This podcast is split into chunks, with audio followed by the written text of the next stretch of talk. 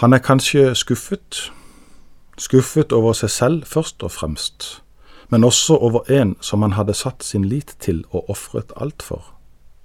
Nå treffer vi han igjen, tilbake i gamle omgivelser, tilbake til det gamle livet. Han er nok litt usikker på om han er tilfreds nå, men kjenner samtidig på at det ikke er noe bedre alternativ. Vi er ved Genesaretsjøen, som også kalles Tiberiassjøen. Det er disippelen Peter vi treffer på der. Fiskeren som er tilbake i sitt kjente og trygge, selv om han kjenner nokså tydelig på en tomhetsfølelse. Etter ca. tre år sammen med Jesus gjorde han sitt livs brøler da det gjaldt som mest. Han nekta for å kjenne Jesus eller ha vært sammen med han, ja, han banna på det. Han går slukøret inn i natten og kjenner på hvor saftig han svikta, og hvor liten han føler seg nå. Samtidig blir Jesus, helten hans, tatt til fange, dømt, dør og begravd. Så har han sett Jesus igjen etter oppstandelsen, men er altså nå hjemme igjen. Vi kan bare undre oss over hvorfor, og prøve å kjenne på hvordan han har det. Der langs stranda ved Genesaretsjøen blir det et gripende møte mellom to mannfolk. Johannes skildrer det i kapittel 21, vers 15-17. Da de var ferdige med måltidet, sier Jesus til Simon Peter. Simon, sønn av Johannes, elsker du meg mer enn disse? Han svarte, Ja, Herre, du vet at jeg har deg kjær. Jesus sier til ham, Fø lammene mine. Igjen for annen gang sier han, Simon, sønn av Johannes, elsker du meg? Ja, Herre, du vet at jeg har deg kjær, svarte Peter. Jesus sier, Vær gjeter for sauene mine. Så sier han for tredje gang, Simon sønn av Johannes, har du meg kjær? Peter blir bedrøvet over at Jesus for tredje gang spurte om han hadde ham kjær, og han sa, Herre, du vet alt, du vet at jeg har deg kjær. Jesus sier til ham, Fø sauene mine. Et personlig møte mellom den oppståtte Jesus og disippelen Peter. Peter, den trygge, vågale, han som gikk foran i flokken, han som tok ansvar. Den Peter som ble redd den gangen på sjøen da han gikk Jesus i møte på vannet, men tvilen tok tak i han så han holdt på å drukne. Den Peter som altså fornekta, svikta Jesus totalt natt til langfredag. Et realt mageplask. Nå er de sammen igjen, og Jesus gir Peter tre muligheter til å si hva Jesus betyr for han. Tre ganger det er som om Jesus legger opp til oppgjør ganger tre for svikten noen dager tidligere. Og Jesus sine gjensvar til Peter er radikale. Fø lammene mine. Vær gjeter for sauene mine. Fø sauene mine. Hvem er Jesus? Jesus er han som kommer den svake i møte.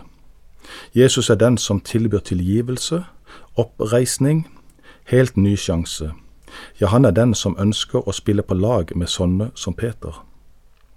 Jesus lar Peter bli en viktig del av utbredelsen av den første kristne kirke. Hvem er du? Ja, det er det vel like mange svar på som lyttere. Mest sannsynlig så opplever noen av dere som lytter på radioen i dag, at livet har fått seg en knekk, i større eller mindre grad. Det ble ikke som du hadde planlagt, verken trosmessig eller ellers. Selvfølelsen er på bånn, og tanken på fremtida er ikke akkurat lys. Jeg har vært der selv, rota det til for meg selv. Du verden hvor flinke vi er til det mange ganger. Resultat depresjon, sykemelding, dårlig selvbilde, lite lyst på framtida, osv. Og, og jeg spør igjen, hvem er Jesus?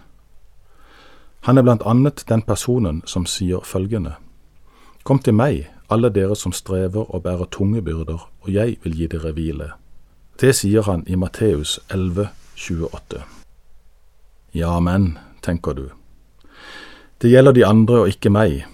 Jeg er et håpløst tilfelle. Det tenkte jeg om meg selv også. Heldigvis har Jesus andre tanker og holdninger til deg og meg. For ordene i Matteus 11, 28 er til oss. Jesus vil være der vi er i livet, sammen med oss. Han har noe å si, og han har noe å gi. Derfor starter han med å møte oss med et kom. Inviterer oss inn til seg, slik som livene våre er i dag, med alt hva det innebærer. Så tilbyr han hvile. Høres ikke det godt ut? Få legge fra seg dritten, det vonde og krevende, feiltrinnene, kaoset, ja, hva det måtte være. Han tilbyr rett og slett et bytte. Han tar vårt og gir oss sin fred og sitt liv i retur. Bedre byttehandel finnes ikke. Jeg har fått oppleve det. Han har løfta meg opp igjen. Gjør det stadig vekk, forresten. Sørger for meg og lever gjennom meg. Jeg er aldri aleine. Det samme ønsker han for deg. Han sier kom, men presser seg ikke på. Han står der rett foran deg med åpne armer. Hendene er merket av naglemerker, men han lever. Så min anbefaling blir Si ja til hans invitasjon. Gå han i møte.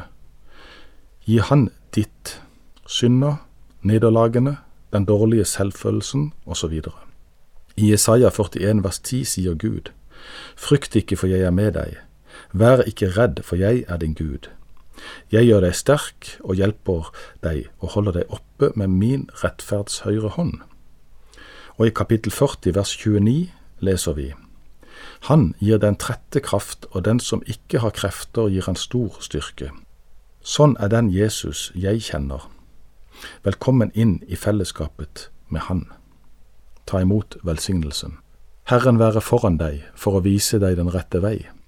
Herren være ved siden av deg for å lukke deg inn i sine armer og beskytte deg. Herren være bak deg for å bevare deg fra menneskers ondskap. Herren være under deg for å fange deg opp når du faller og redde deg ut av snarene. Herren være i deg for å trøste deg når du har det vondt. Herren være over deg og velsigne deg. Amen. Du har lytta til Over en åpen bibel med Erik Albert i dag. Serien er et gjenhør fra 2019 og er produsert av Norea Mediemisjon. Har du kommentarer eller spørsmål, så ta gjerne kontakt med oss. Du kan bruke e-postadressen eh, postalfakrøllnorea.no, eller du kan sende oss en melding via Facebook. God sommer videre.